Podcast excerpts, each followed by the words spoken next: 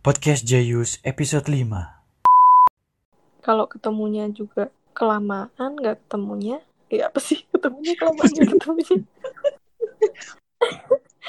Kebanyakan makan gula. J- nanti jadi makin salting ya kalau pertama kali ketemu. iya. I- iya. ih salah kan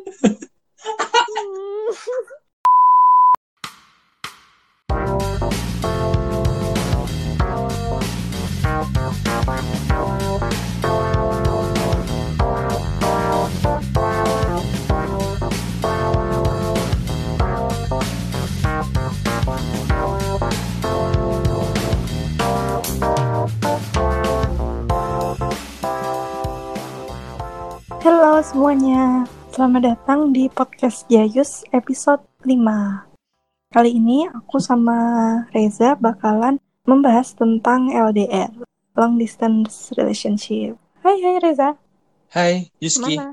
Kamu gimana di sana? Baik-baik, alhamdulillah, hirobil alamin. Aku ngangkat Kenapa? Ya mau pengajian Ya, kenapa kita bahas LDR karena hmm, apa ya? Kan sekarang lagi zamannya pandemi. Nah, itu banyak kan efeknya. Ya, salah satu efek yang cukup berpengaruh yaitu pasangan-pasangan yang eh, LDR.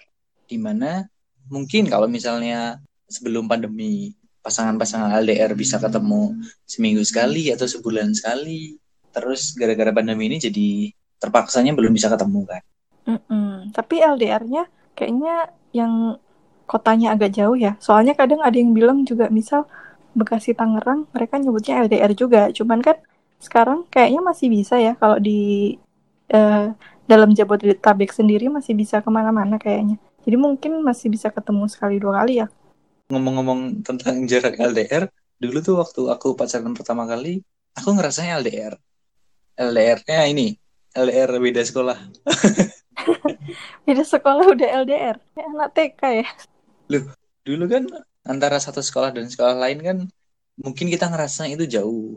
Padahal mah ya satu kota, tapi kita ngerasa itu jauh dan itu kita anggap sebagai LDR. Karena di sekolah kita nggak bisa ketemu dan itu LDR. Tapi kan pengertian LDR bukan gitu. Ya paling enggak berapa jam lah yang harus ditempuh, bukan beda sekolah gitu. Kamu beda sekolah tapi kan habis itu sorenya apa malamnya gitu kan masih bisa ketemu. Iya. Kalau kita kan nggak yang ah malam ini mau ketemu nih nggak bisa yang langsung gitu kan kayak harus Iya. direncanain jauh-jauh hari pakai kereta mungkin atau pesawat gitu kalau misalkan ketemu lah kalau masih pakai motor kayaknya nggak juga masih satu kota tapi dulu aku ngerasanya aku LDR beneran terus habis itu makin eh, apa namanya makin dewasa ternyata LDR-nya makin jauh kalau misalnya tadi pacar pertama itu LDR-nya beda sekolah terus pacar kedua LDR-nya beda provinsi walaupun beda provinsinya cuma tiga jam yaitu provinsi Jawa Tengah Semarang sama provinsi Jogja kota Jogja Hmm. Itu masih bisa sih disebut LDR kayaknya. Kalau ti- kayaknya mungkin tiga jam ke atas lah ya bisa disebut LDR. Kalau menurutku. Tapi mungkin orang yang ya tadi yang aku bilang mungkin orang Bekasi sama BSD nih mereka bilangnya LDR karena jarak tempuhnya kan cukup lumayan tuh dari Bekasi ke Jakarta. Mana ada yang bilang juga ya enggak lah itu enggak LDR masih bisa temuan nah ngomong-ngomong LDR kita gimana? tuh berarti udah berapa totalnya udah berapa tahun ya LDR LDR yang eh, bentar-bentar di itu enggak? KKN Dihitung dong. kerja praktek itu kan juga wah, aku kerja praktek di Kalimantan loh jauh sekali itu. Nah, kayak mulai dari situ ya kita ya pertama kali LDR ya. Mm-mm, berarti siapa dulu ya? Ah, aku dulu yang KKN ya. Oh, KKN dulu ya, bukan KP ya? KKN dulu deh ya. KKN dulu. KKN Oh dulu iya. kan kita habis jadian tuh langsung pisah tuh KKN. Kamu KKN, aku nggak KKN. Entah kenapa kamu nggak KKN. Juga. Ya. Ya waktu itu kita LDR dari Banjarnegara ke Yogyakarta. ya, Banjarnegara itu kalau ditempuh perjalanan darat kira-kira 5 jam lah. Aku pernah naik motor dari Banjarnegara ke Yogyakarta, PP sama salah satu temanku. Buat apa ya waktu itu? Sebenarnya tujuannya tujuan utamanya bukan buat ketemu kamu kok.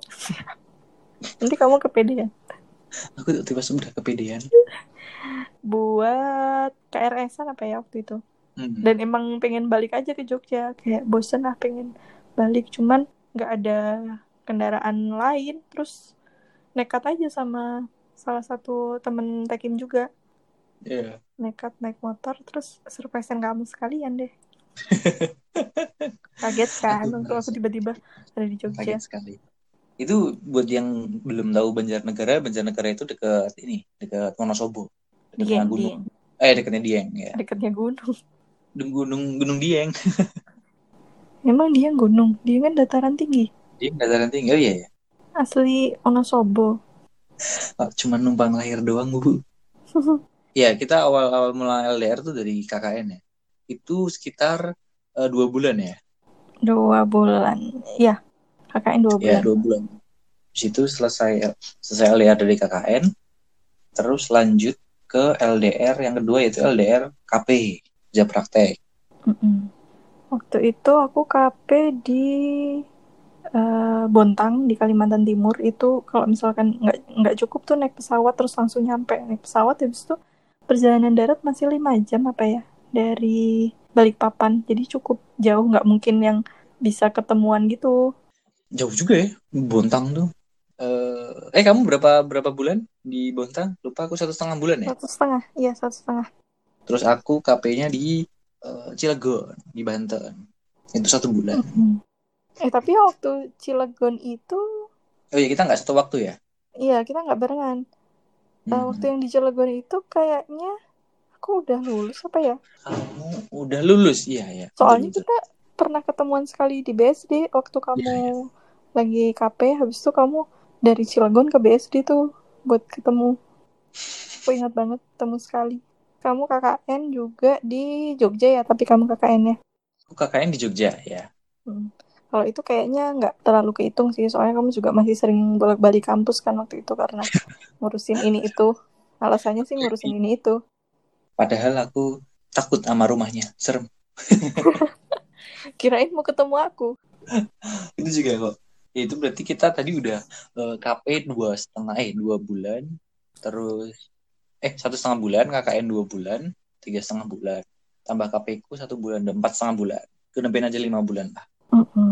Terus Terus habis- habis itu aku mulai kerja oh ya Akhirnya kita yang LDR beneran. Cuman aku kayaknya berapa bulan ya? Kamu mulai ke Jakarta kapan sih? Akhir tahun ya? Akhir tahun 2017. September September Ah, ya berarti cuman bentar dong. Soalnya saya ingatku aku Agustus apa ya? Agustus 2017 aku ke Jakarta. Eh, sebulan sebelumnya lah. Dari lebarannya Jakarta, terus kita udah nggak ketemu lagi kan. Terus tapi ternyata betul. kamu September ke Jakarta juga. Cuman kan waktu itu aku masih di Bogor. Masuknya Bogor, Bogor. sih, daerah Gunung Putri. Eh, paling ketemunya bisa ketemu seminggu sekali. Kalau misalkan weekend kan aku balik ke BSD. Mm-mm, biasanya nebeng salah satu temanku tuh sampai Cawang Uki. Terus yang menjemput di situ deh. Yoi. Cawang Uki adalah daerah termacet se Asia Tenggara Cawang Uki ya. Terus habis itu sampai bulan Maret 2018 berarti dari September sampai Maret kita hitungannya LDR nggak tuh? Soalnya masih ketemu seminggu sekali sih. enggak enggak usah enggak usah Hitungannya nggak kayak hitung LDR ya. Nah, Gampang habis itu soalnya. Maret gampang. Maret aku mulai dipindah ke penempatan kan. Penempatannya Hmm. dapetnya di Cilacap sampai sekarang. Jadi aku di Cilacap udah dari Maret 2018 sampai sekarang. Udah dua tahun lebih.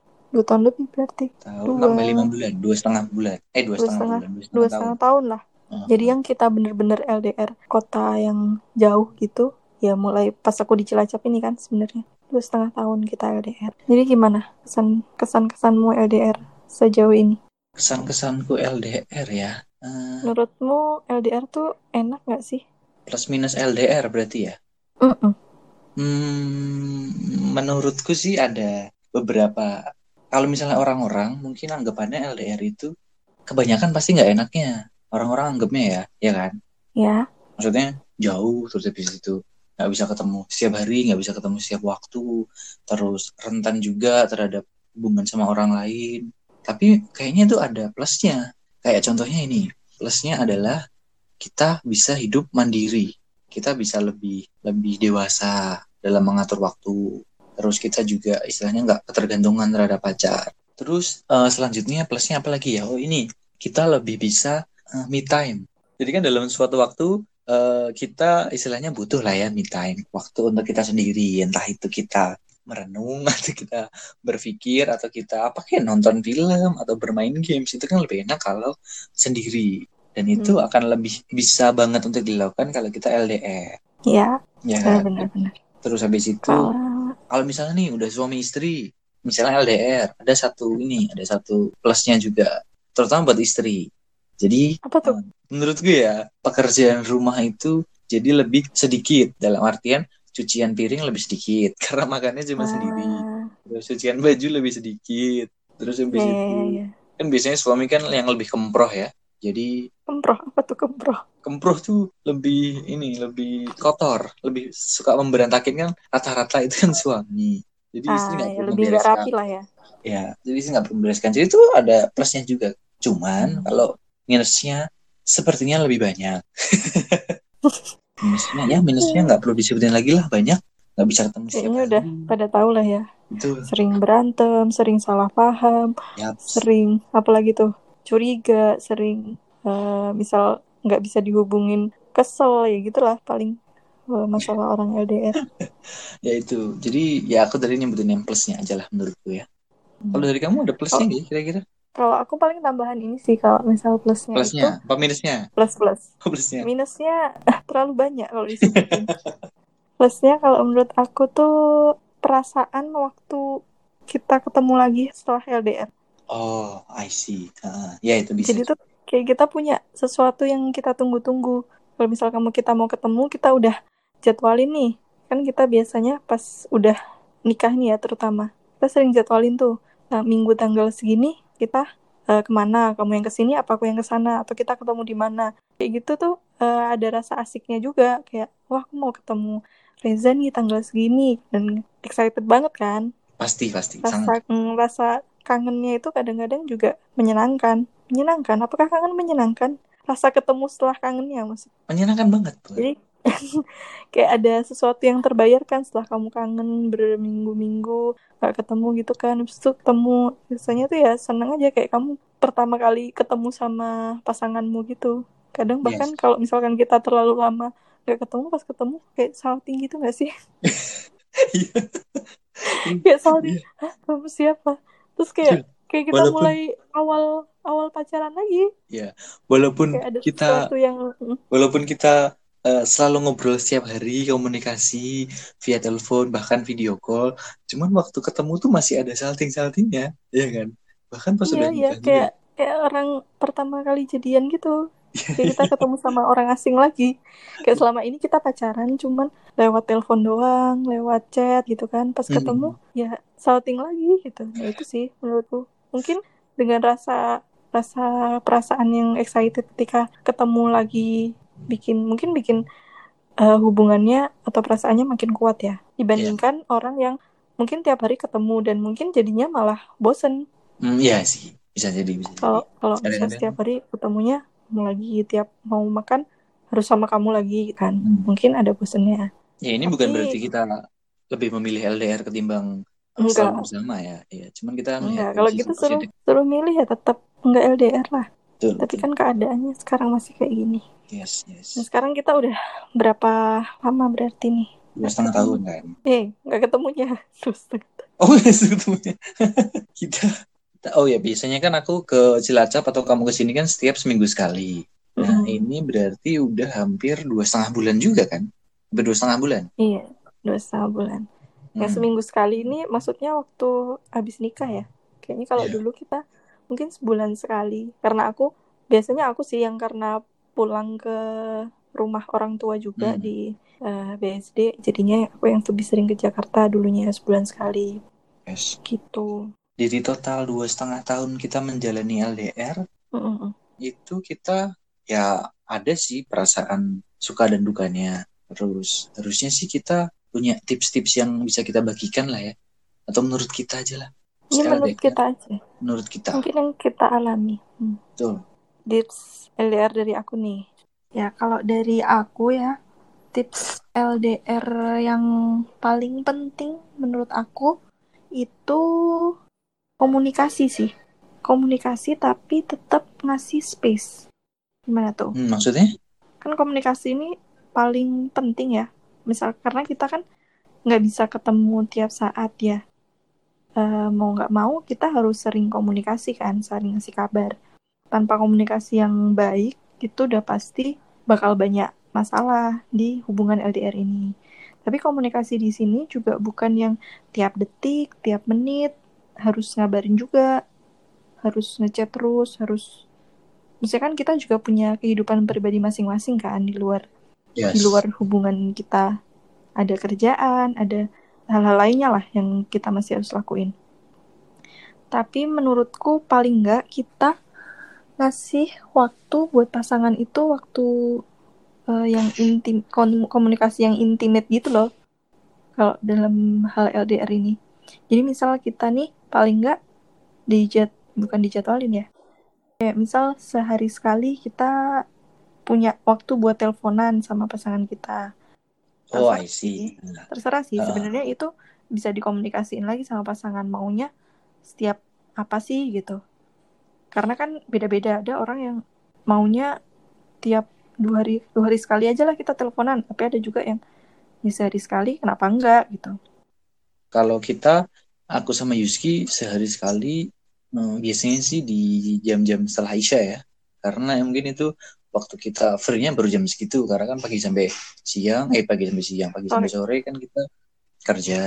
Mm-mm. apa hal terus habis itu malam mungkin ya cari makan atau masak atau bikin makan baru malamnya free.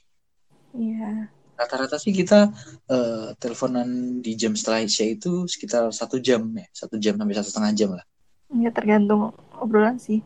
Soalnya kalau kita sih tipenya biasanya pagi sampai sore kalau misalkan weekdays karena kita sama-sama kerja jadi kita tahu kalau kita punya kerjaan masing-masing dan kita nggak saling yang ganggu-ganggu banget gitu. Soalnya kalau aku sendiri tipenya juga nggak bisa kadang-kadang nggak bisa diganggu kalau pas jam kerja ya. Jadi kadang pun chatnya Reza sering aku cuekin gitu. Nggak aku cuekin sih sebenarnya tercuek begitu saja. Soalnya aku bukan orang yang multitasking seperti itu paling nggak dan kamu juga bukan orang yang eh, selalu stay sama HP kan uh-uh. kan kamu kerja di lapangan Iya, aku harus lapangan. Ya, ya sebenarnya bawa HP, cuman nggak yang aku bisa ngetik di HP terus gitu. Hmm, Tapi betul. paling nggak ini sih, kalau misalkan pagi gitu, paling kita eh, ngabarin ya pas udah sampai di kantor. Setuju, Itu setuju. sih cuman ya make sure kalau kita udah sampai dengan selamat sama lain, biar nggak saling nyariin. Tapi cukup ya udah udah di kantor nih atau udah di kantor ya gitu. Terus habis itu kita biarin eh, satu sama lain buat kerja, kecuali ada hal penting yang emang harus kita discuss bareng ya.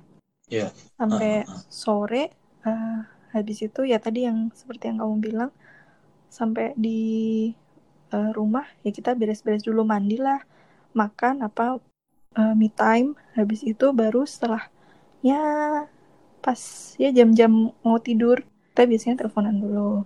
Biasanya sih kita kan capek tuh habis seharian kita ngelewatin hari yang melelahkan gitu kan. Paling nggak kita tahu kalau misalkan kita tuh punya seseorang yang mau dan bisa dengerin kita. Sebenarnya nggak harus topik-topik yang berat yang kita bahas. Kadang kita juga nggak jelas Kan apa yang ngomongin ngomongin iya ngomonginnya bener-bener sengalor ngidul itu se random itu kadang pun Ngomongin kita ngomongin drakor ngomongin film-film yang lagi tren gue kita ngomongnya gak jelas gak jelas juga. Mm-mm. ya eh, at least kita tahu kalau kita punya eh, seseorang yang mau dengerin keluh kesah kita itu. Karena kan ya tadi kita nggak bisa ketemu nih dengan kita teleponan cerita mau dengerin satu sama lain jadi kita ngerasa eh, orang itu tetap ada tetap ada buat kita Ya, walaupun karena- physically dia jauh Iya betul jadi kata Yuski kan komunikasi memang uh, hal yang sangat penting karena itu sebagai pengalamanku juga waktu LDR pertama kali. Karena aku LDR pertama kali bukan sama Yuski, sama mantan gue yang sebelumnya. Nah itu mungkin uh, udahan atau selesai gara-gara kurangnya komunikasi. Karena uh, mungkin ya, mungkin waktu itu kita kurang pengalaman dalam LDR. Pertamanya kita selalu bersama, kita setiap hari bersama, tiba-tiba kok dihadapkan kepada situasi yang cukup kita gak bisa terima yaitu LDR terus di situ kita juga ya jarang komunikasi terus cerita juga jarang walaupun ngabarin tuh cukup sering cuman cuman sekedar ngabarin aja eh aku udah sampai sini. Eh aku udah sampai kampus. Kan dulu waktu kuliah kan. Hmm. terus eh aku sudah sampai di kosan. Ya sekedar gitu-gitu aja. Maksudnya nggak ada nggak ada kelanjutan dari ngabarin itu. Terus nggak ada cerita juga. Komunikasinya cuma sebatas ngabarin doang. Nggak ada komunikasi lain. Kayak cerita-cerita hari itu ngapain aja. Terus ngomongin ngalor ngidul juga enggak jadi ya mungkin karena gitu-gitu doang ya udah akhirnya selesai. Uh, berarti karena uh, rutinitas yang sedikit uh, berulang mungkin ya. Berulang tapi berulangnya itu kayak tidak ada hal yang baru yang kalian lakuin gitu. Kalau aku selimpulin dari ceritamu tadi. Ah ya ya ya. Kayak gitu sih. Betul betul betul. Uh, oke okay, berarti tadi tipsmu yang pertama adalah komunikasi. Hmm. Kalau dari kamu ada nggak? Sebagai ya? pejuang LDR yang lebih senior mungkin ya? oh ada ada. Ini. Uh, kita itu jangan terlalu dengerin haters. Wih LDR punya haters. haters. Waduh siapa tuh haters sih? Haters itu dalam artian gini, uh, kamu pasti punya orang-orang di sekitarmu atau siapa gitu yang bilang kalau misalnya ah jangan LDR lah susah hmm. terus habis itu eh kok kamu bisa sih LDR kan LDR serem kan LDR gak asik terus habis itu kan LDR rentan nah biasanya orang-orang gitu yang malah justru bikin kita bikin pikiran kita tuh jadi makin ke mana-mana. Nah tipsku adalah kita udahlah nggak usah terlalu dengan orang-orang yang kayak gitu. Iya iya iya. Aku pernah kita, sih. Ada kan pasti. Nah kita udah iya. kita stay positif aja. Kalaupun ada ya udah kita tanggepin aja. Kita tanggapin dengan positif aja. Kayak contohnya misal kalau misalnya kita dibilangin ah LDR kan serem ah LDR kan nggak bisa ketemu. Habis itu pasti aku jawab ya enggak kok. Kita bisa jalanin asal kasih aja. Kamu aja yang belum pernah LDR coba di LDR sekali-kali. Sombong ya. Jadi manusia jumawa gitu rasanya. Nah biasanya orang-orang yang kayak gitu itu tuh yang nggak pernah LDR dan mereka takut LDR hmm iya. Berarti di sekitarmu juga ada ya orang-orang yang kayak gitu? Ada. Kalau aku kan di sini emang uh, kebanyakan cowok ya di tempat kerjaku. Kalau misalkan hmm. cewek mungkin mereka lebih paham lah perasaan wanita nggak akan kayaknya kalau bilang kayak gitu. Tapi kayak yang laki-laki gitu. Dulu sebelum kita nikah sering banget yang bilang nah, ngapain sih jauh-jauh di sana cari aja orang sini banyak tuh uh, orang apa perusahaan sebelah perusahaan sebelah yang itu uh, yang BUMN itu kan perusahaan uh, sebelah tuh masih banyak tuh yang muda-muda ini ini gitu kan bagus bagusan uangnya ya mm -mm, kan? Loh, kok terus habis itu uh, aku pikir setelah habis itu kita nikah ya udah omongan-omongan itu selesai gitu. Tapi nggak juga malah ada yang bilang kamu di sini jadi seolah-olah aku tuh jahat gitu. Soalnya aku tinggal pisah sama kamu. Oh ya yeah. jadi kayak orang-orang kamu gak kasihan sama uh, suamimu di sana sendirian apa-apa sendiri gitu. Uh, lebih ke yang pressure aku buat move dari Cilacap gitu sih kalau sekarang setelah nikah.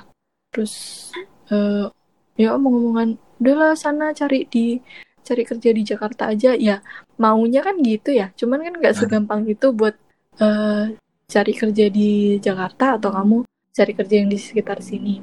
Tapi mereka tuh yang uh, lebih ikut campur gitu ya udah sih kalau misalkan tahu temenmu atau teman kerjamu yang di sekitarmu ada yang ngalamin LDR gitu ya udah nggak usah komentar apa-apa kenapa kalau misalkan mereka milihnya sekarang LDR ya itu kan keputusan eh, mereka, keputusan pasangan Yes. itu berdua dan eh, nggak usah komentar-komentar negatif yang bikin sakit hati gitulah. Apalagi di saat eh, pandemi ini ya yang kita udah nggak ketemu lama. Terus kayak, aduh Fit, kasihan banget sih. Nah, kalau di kantor kan panggilanku masih Vita ya seperti biasa. Aduh Fit, kasihan banget sih abis nikah tapi kayak eh, nggak punya suami juga gitu, sendirian juga, lebaran sendiri, lebaran sendiri, apa liburan sendiri ya gitu gitulah. Udah tahu orangnya lagi sedih ya karena nggak bisa lebaran bareng. Jadi ditambah komentar-komentar kayak gitu. Mungkin uh, ada yang mikirnya ah itu kan bercanda doang gitu. Cuman kan ya kamu nggak bisa tahu hati seseorang. Hmm, Dia menganggap itu bercanda apa jadinya yes. beneran sakit hati gitu.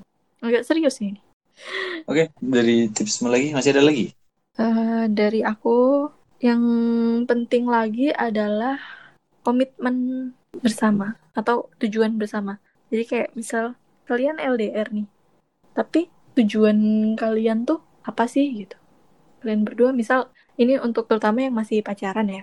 Tujuan hubungan kalian tuh mau dibawa mau dibawa ke mana? Kalian LDR, tapi pas pasangan kalian nanya hubungan kalian tuh mau ke depan mau seperti apa, terus kamu bilangnya ya belum tahu, ya udah jalanin dulu aja kayak gitu kan.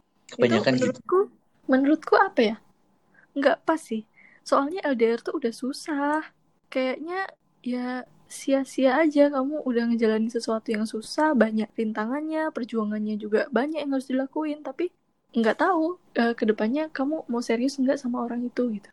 Yes. kalau misalkan eh, pacarannya sekota ya kalian jalanin dulu aja ya udah. Tapi ini LDR tuh nggak yang segampang itu gitu loh. Rintangannya banyak. Kalau misalkan udah LDR nggak ada kepastian lagi.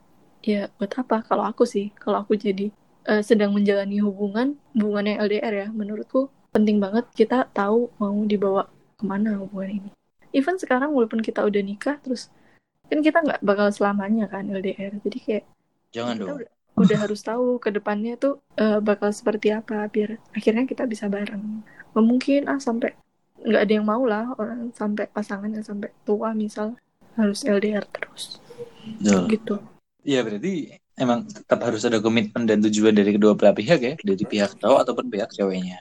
Mm-mm, komitmen bareng lah. Buat kalian yang masih baru-baru LDR ya diomongin aja sama pasangannya. Jangan sampai perjuangan kalian buat LDR tuh sia-sia gitu. Kalau nggak ada kejelasan nantinya. Dari Aku kamu aku lagi ada nggak? Hmm, apa ya? Oh ini tadi aku bilang enggak setiap waktu kita bisa berkomunikasi sama pasangan kita yang lagi LDR. Mungkin Mm-mm. ada suatu waktu hmm, si pasangan kita lagi mungkin lagi outbound sama kantornya atau lagi rekreasi sama kantornya atau lagi ada deadline. Nah, kita kan mesti nggak bisa ganggu. Nah, dalam mengisi waktu kita tersebut, kita bisa melakukan hal-hal positif. Kayak contohnya hmm, olahraga.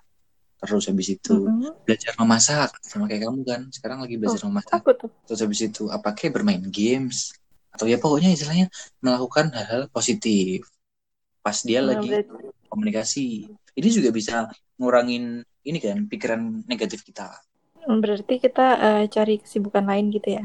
Kalau misalkan pasangan kita emang lagi ada sesuatu yang nggak bisa diganggu gitu. yes betul kayak kamu contohnya belajar memasak sekarang kamu bisa memasak hampir semua jenis makanan kan kamu Wow. bisa jadi juri mas Langsung jadi juri master chef. Nggak ikut master chefnya dulu tapi langsung ikut jadi juri master chef. apa tuh chef Renata kalah pasti sama kamu Wow, wow, sangat eh, pede ya. Yang pede tapi kamu bukan aku. Gimana dong? Yang baru ngerasain makananku kan belum banyak, belum approve. Lagian aku ma- masak juga. Nggak cukup lah. Lidah presiden kalau perlu. itu sih kalau dari aku kamu lagi masih ada Dari aku lagi ya. Hmm, dari aku tips selanjutnya yang tidak kalah pentingnya adalah sempatkan waktu buat bertemu. Penting sih ini. oh iya. ini nih paling penting Paling penting tetap komunikasi sih, Bor. Oh iya, yaudah ini kedua paling penting. Kedua paling penting ya. Ya, walaupun kita LDR, tapi kan kalau ketemunya juga kelamaan, nggak ketemunya. Ya apa sih ketemunya kelamaan nggak ketemunya? Kebanyakan makan gula, jadi liar. Ketemu, nggak ketemunya kelamaan kan lama-lama bisa basi juga ya. J- Nanti jadi makin salting ya kalau pertama kali ketemu. Iya. I- iya. Ih, salah kan. Hmm. Tadi sampai apa ya? Eh, walaupun kita LDR, tapi kan tetap butuh ketemu ya. Namanya kita manusia, makhluk sosial. Kalau misalkan lama-lama nggak ketemu secara fisik, nggak ketemu secara wujud badan gitu kan, kayak ada yang kurang pasti dalam suatu hubungan. Tapi juga harus paham kondisi juga sih. Misal kayak pandemi sekarang kayak gini ya emang kita nggak bisa ketemu bukan karena kita nggak mau kan, Ya karena nggak bisa. karena kita nggak bisa. Jadi nggak bisa juga kita maksain uh, pasangan kita buat ketemu. Dan ketika di keadaan normal, kalau misalkan di keadaan normal sebelum ada pandemi ini, ya sebisa mungkin kita nyempetin waktu buat ketemu. Jadi uh, setelah nikah ini, setelah nikah ini kita udah bikin jadwal-jadwal bulanan, misal tanggal sini uh, siapa yang mau ke Cilacap atau ke Jakarta, Iya. mau ketemu di mana. Dan menurutku juga temunya biar lebih nggak ngebosenin ya eh, hubungan LDR kita tuh kalau misalkan kita ketemu terkadang nggak ada salahnya kalau misalkan kita arrange bu- buat liburan gitu sih Hmm, setuju. Betul. buat libur mm, buat liburan misalkan kayak kemarin nih habis nikah kalau misalnya ke Jakarta mungkin nggak banyak ya yang bisa kita kunjungi buat liburan karena kita juga karena aku punya keluarga di sana jadi kadang kita sempetin juga buat ke keluarga masing-masing. Tapi kalau misalkan di Cilacap nih Cilacap kan ngebosenin ya. Kalau kamu ke sini tuh eh semager kalau misalkan lagi mager ya emang kita di rumah aja. Cuman kalau kelamaan dan keseringan setiap ke Cilacap cuman di rumah aja pasti boring juga Hmm. bosen juga gitu kan. Nah eh, cara siasatnya adalah pas ke sini biasanya kita cari tempat wisata yang deket deket-deket sini deket-deket Cilacap. Tapi karena sekarang pun udah habis ya kayaknya yang dikunjungi jadi terakhir eh, bukan terakhir tiga bulan yang lalu apa bulan Februari kalau nggak salah karena kita udah bosen di Cilacap kita janjiannya tetap di daerah dekat-dekat sini di Purwokerto sih. Ya satu setengah jam lah dari Hmm. Cilacap. Jadi kita janjian ketemuan di sana. Karena di sana juga tempat tempat Lebih liburannya banyak ya. lebih banyak dibanding Iya. di sini jadi eh, waktu ketemu kita tuh jadi nggak ngebosenin misal ada nih orang LDR yang ketika ketemuan tuh malah jadi berantem gitu Hmm. karena ternyata mereka bosen kalau misalkan ternyata waktu ketemu tuh nggak sesuai dengan ekspektasinya Betul. gitu dia kan selama ini jauh tuh dari pasangannya. Cuman lewat chat lewat telepon dia berharapnya itu waktu ketemu kadang ada sesuatu yang beda yang dialamin. Nah dengan liburan itu kan pasti rasa seneng dong dua-duanya. Kalau misalkan ketemu tapi cuman makan makan nongkrong ya gitu-gitu aja kan. Bosan ya. eh eh, orang pasti juga ada bosennya. Betul, kita harus menyematkan waktu untuk bertemu dan liburan. Iya sebenarnya kemarin Maret ya. Maret karena kita emang nggak bisa liburan karena aku lagi ada eh, sesuatu di pabrik yang nggak bisa yang bikin aku nggak bisa keluar kota dari Cilacap. Jadi pas di awal-awal Maret tuh kita ketemunya selalu di Cilacap berturut-turut ya kan kita nggak bisa keluar kota. Nah aku udah ngerencanain tuh sebenarnya. Kita udah ngerencanain setelah eh, overhaul selesai kita bakalan liburan ke suatu kota. Bandung. aku bakal ambil cuti. Iya.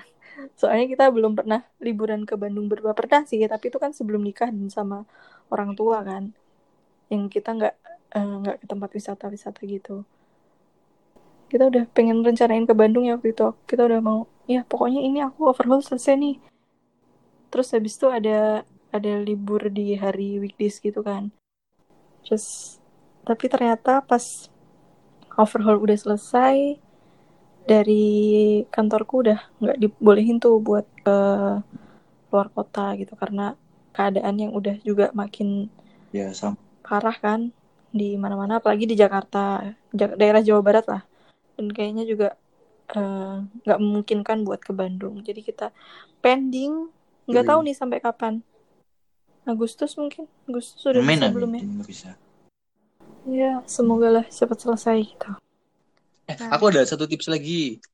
Mm-mm, apa tuh? Terakhir ya ini ya? Ya, terakhir. Eh, ini kita sering-seringlah ngasih kejutan ke pasangan. Wow, itu kesukaanku. Betul sekali. ya, maksudnya nggak perlu sering-sering lah. Sesekali juga nggak apa-apa. Kan tujuannya juga eh, membuat senang pasangan. Dan kejutan itu nggak harus kita datang tiba-tiba ke tempat pasangan. Enggak. Hmm, Kejutan kan bisa dari kita ngasih tiba-tiba ngirimin makanan. Atau mm-mm. tiba-tiba ngirimin barang kesukaan pasangan. Atau kalau enggak tiba-tiba kita ngirimin voice note yang isinya kita lagi nyanyi buat dia. Oh, yang kayak kemarin malam itu ya? Tuh. Ya itulah intinya kejutan bisa dari berbagai hal kok. Dan pasti hmm, pasangan kan juga ini ya akan terkejut dan senang banget pasti, terutama cewek-cewek. Jadi buat cowok-cowok ini rajin-rajinlah kalian mengejutkan pasangan kalian. Memberi kejutan buat pasangan. Iya, setuju sih kalau aku. Kebetulan ya, kayaknya ada series baju yang baru keluar kayaknya. Kemar- Kemarin juga ada PS5 tuh keluar. apa? Apa? Kamu tadi ngomong apa, Bah? Aku nggak denger. Nggak Besok denger ada deh. Nggak denger deh. Aku nggak jelas gitu. besok ada baju baru ya? Kenapa? Iya, ada. Loh. ya intinya itulah kita sering-seringlah ngasih kejutan ke pasangan. Itu kan juga berfungsi untuk mempererat ini kan, mempererat dan memperhangat hubungan. Nggak perlu yang mahal-mahal sebenarnya. Yes. betul.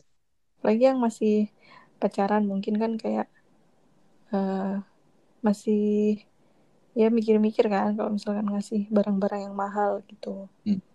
Kecuali anak sultan ya, beda cerita. Cuman ya nggak harus yang mahal, misalkan HP apa-apa enggak sih. Itu kemahalan. Yang penting eh, kalau cewek nih yang penting biasanya ngelihatnya effort nyawa dia ada effort buat ngasih kejutan buat aku ya pasti seneng lah gitu. Betul. Yaudah itu ya tips dari kita. Kita nggak bermaksud untuk menggurui, enggak. Cuman ini kita sekedar ini aja berbagi pengalaman yang pernah kita alamin selama LDR ini. Jadi ini berdasarkan pengalaman kita ya, pengalaman kita berdua. Nah, kadang juga belum tentu di orang lain bakalan berhasil apa tips-tips yang Oh, kita iya. kasih tadi. Cuman eh, garis besarnya sih seperti itu. Yang penting intinya adalah sekali lagi dikomunikasiin sama pasangan kalian maunya gimana. Itu lebih baik diomongin sih. Jadi sama-sama saling bisa belajar satu sama lain. Gitu. Yups, oke, yaudah. Itu kali ya. Tenang aja, LDR tuh nggak semenakutkan itu.